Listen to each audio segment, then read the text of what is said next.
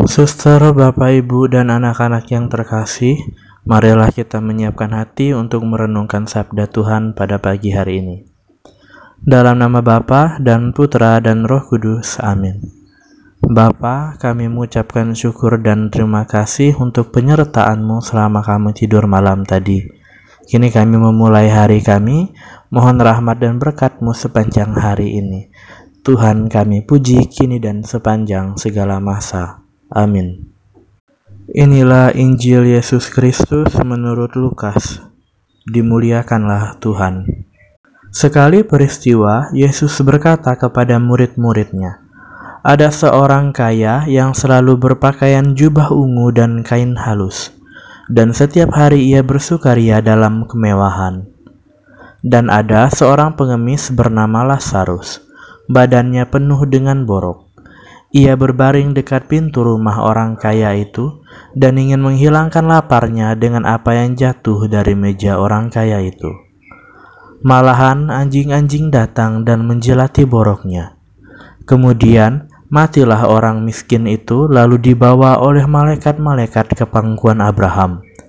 Orang kaya itu juga mati lalu dikubur. Sementara menderita sengsara di alam maut, ia memandang ke atas, dan dari jauh dilihatnya Abraham dengan Lazarus duduk di pangkuannya. Lalu ia berseru, "Bapak Abraham, kasihanilah aku. Suruhlah Lazarus mencelupkan ujung jarinya ke dalam air dan menyejukkan lidahku, sebab aku sangat kesakitan dalam nyala api ini." Tetapi Abraham berkata, "Anakku, ingatlah." engkau telah menerima segala yang baik semasa hidupmu, sedangkan Lazarus segala yang buruk. Sekarang ia mendapat hiburan dan engkau sangat menderita.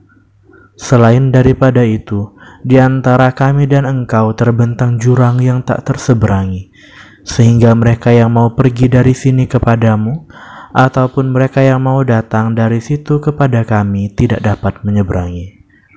Kata orang itu, kalau demikian, aku minta kepadamu Bapa, supaya engkau menyuruh dia ke rumah ayahku, sebab masih ada lima orang saudaraku, supaya ia memperingatkan mereka dengan sungguh-sungguh, agar mereka kelak jangan masuk ke dalam tempat penderitaan itu. Tetapi kata Abraham, ada pada mereka kesaksian Musa dan para nabi. Baiklah mereka mendengarkan kesaksian itu. Jawab orang itu, tidak, Bapak Abraham. Tetapi jika ada seorang yang datang dari antara orang mati kepada mereka, maka mereka akan bertobat. Kata Abraham kepadanya, "Jika mereka tidak mendengarkan kesaksian Musa dan para nabi, mereka juga tidak akan mau diyakinkan sekalipun oleh seorang yang bangkit dari antara orang mati." Demikianlah sabda Tuhan. Terpujilah Kristus. Saudara-saudari yang terkasih dan anak-anak yang dicintai oleh Tuhan, pada hari ini Yesus berbicara tentang perumpamaan seorang Lazarus dan seorang kaya. Setelah kematian, digambarkan bahwa orang kaya hidup dalam penderitaan, sementara Lazarus hidup dalam kebahagiaan bersama Abraham. Injil tidak menceritakan apa yang dilakukan oleh orang kaya ini dan perbuatan jahat apa yang pernah ia lakukan. Tetapi, hal yang dapat kita pelajari dari bacaan hari ini adalah tentang kepedulian.